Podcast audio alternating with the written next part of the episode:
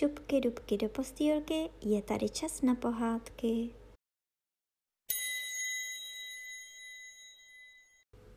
Dnes si povíme pohádku o pejskovi a kočičce a o klucích z domažlic. Pejsek s kočičkou seděli na pohovce a vymýšleli si, co by měli dělat, aby se pobavili a dobře se měli. Někdo zaklepal, oni řekli dále a vešel pan Čapek. I haleďme, řekl pejsek, Vás už jsme dávno neviděli, to vy asi ani nevíte, že mě tuhle bolela noha. Šlápl jsem totiž na střep a poranil jsem si tlapičku. I vím, řekl pan Čapek, vždyť jsem to přece všecko napsal. A to povídání o noční košilce taky? ptal se pejsek. A jaké to máte v ruce psaní? Však právě proto jsem přišel, povídá pan Čapek. To psaní je z města Domažlic od kluků z druhé třídy. Podívejte se, co mě tady napsali tom psaní bylo napsáno tohle. Milý pane Čapku, nám se tu líbila v dětském koutku pohádka o psíčkovi a kočičce. Prosíme vás, pane spisovateli, napište nám zase brzy něco o kočičce a psíčkovi nebo něco o klucích, jako jsme my. Pozdravují vás kluci z druhé třídy a z domažlic. No to nás těší, že se dětem líbíme, řekl pejsek. My pejskové a kočičky jsme rádi, když se nám děti smějí a když nás přitom netrápí a nedráždějí. Víte co, pane Čapek, napište něco o těch klucích z domašlic. Také si myslím, že byste měl o těch domašlických klucích něco napsat, když to tak chtějí, řekla kočička.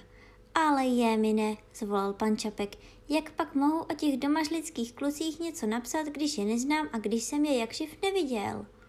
I co, řekl pejsek, Kluci jako kluci, oni jsou všude stejní. To jistě, že jsou, řekla kočička. To máte zrovna tak jako s koťaty nebo se štěňaty. Jedno je bělejší, druhé mourovatější, třetí černé, čtvrté třeba rezavé nebo strakaté, ale rozpustilé jsou všechny stejně. To je pravda, zaradoval se pan Čapek. Tak já tedy napíšu, jak domažličtí kluci jsou jeden bělejší, druhý mourovatější, některý, že je černý a jiný třeba zrzavý, že mají na packách drápky a že jsou všichni stejně rozpustilí. To zase ne, řekla kočička. Drápky na packách to mají domažlická koťata a štěňata, ale domažličtí kluci jistě žádné takové drápky na packách nemají. A víte co, chaso? povídal pejsek a se skočil z pohovky. Já vám něco povím. Pojďte se tam do těch domažlic podívat, jací jsou tam kluci. Noha mne už nebolí, tak co bych nešel. To se ví, řekla kočička. Já půjdu také. Ale já nemohu, povídal pan Čapek. Já nemám čas. A proč nemáte čas? Ptali se pejsek s kočičkou. No já přece musím psát tuhle povídku o domažlických klucích, řekl pan Čapek. Tak jak pak mohu jít? Aha, to je pravda, řekli pejsek a kočička. Tak tedy půjdeme do domažlic sami a všechno vám pak o těch domažlických klucích povíme, abyste to o nich mohl napsat.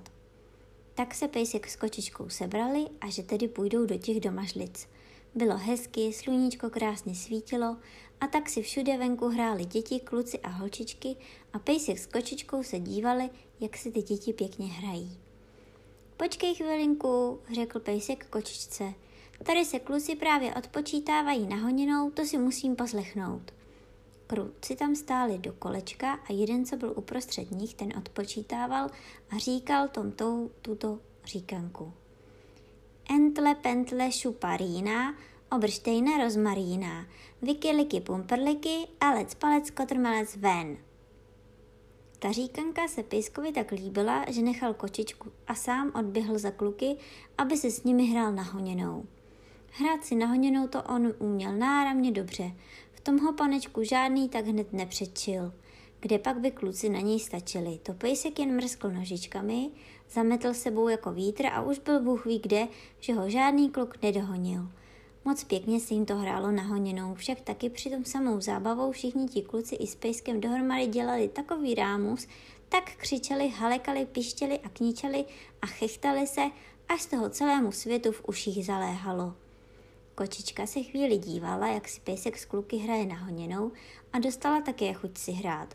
Však tam také byla kupa holčiček a ty se zrovna postavili do kolečka, že se budou odpočítávat na schovávanou.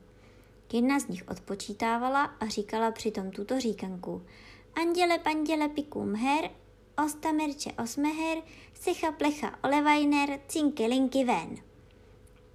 Tahle říkanka se kočičce ještě více líbila než ta první, kterou říkali kluci, když se odpočítávali na honěnou. A na schovávanou to si kočička ze všeho nejraději hrála. Nikdo to tak dobře neuměl jako ona, dovedla se schovat tak šikovně, aby ji nikdo nenašel. A co bych si nehrála, řekla kočička, když si pejsek taky hraje. Holky, nechte mě také hrát si na schovávanou. Zavolala na holčičky a holčičky ji vzali mezi sebe a kočička se s nimi hrála na schovávanou. Ojej, holky, ta vám to uměla, jak ona se vám dovedla schovat. Skrčila se někde, že z ní ani ocásek nebylo vidět. Všude vlezla, všude se provlékla a ještě se vám darebnice po těch holčičkách šelmovsky koukala, jak jí nadarmo hledají.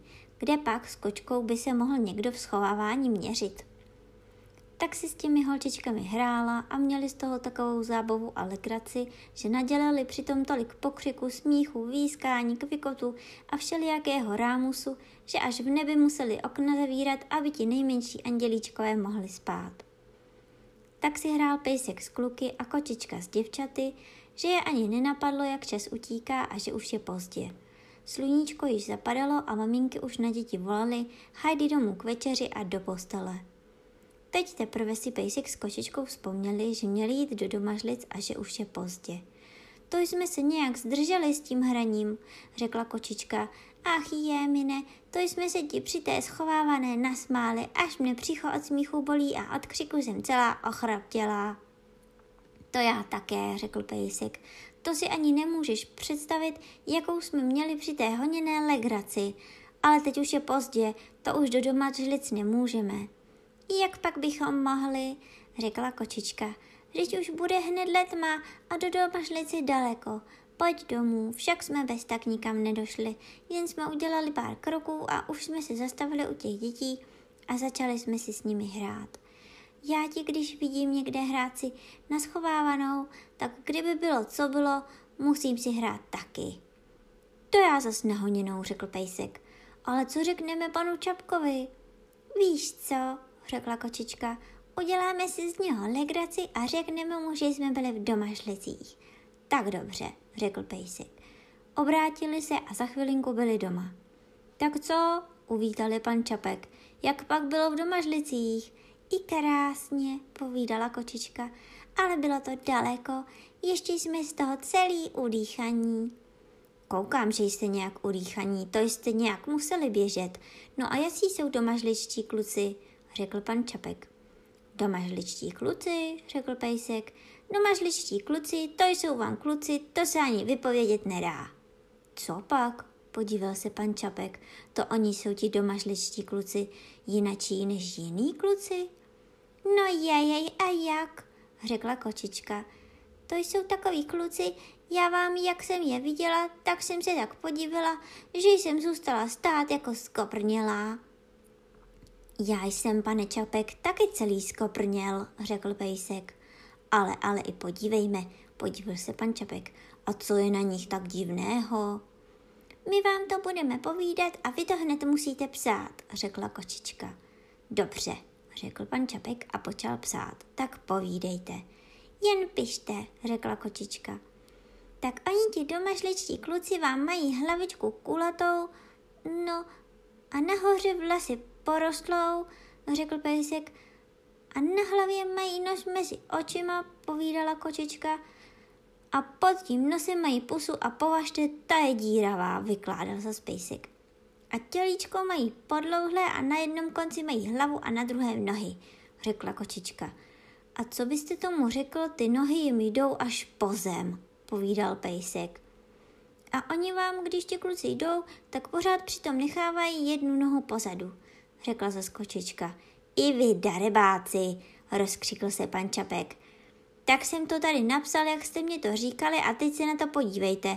Vždyť jsou to zrovna takový kluci jako všichni jiní. No vy jste pěkní lumpáci, takhle jste mě podvedli.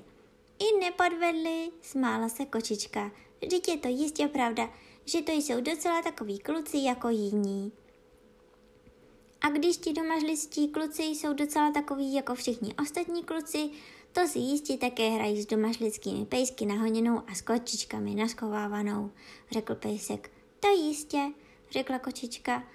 A mají také míče, koleběžky, vlaky, stavebnice auta, panáčky, barvičky, draky a všechno možné a hrají si a povykují, halekají a pištějí přitom, jako všichni kluci i holčičky po celém širém světě.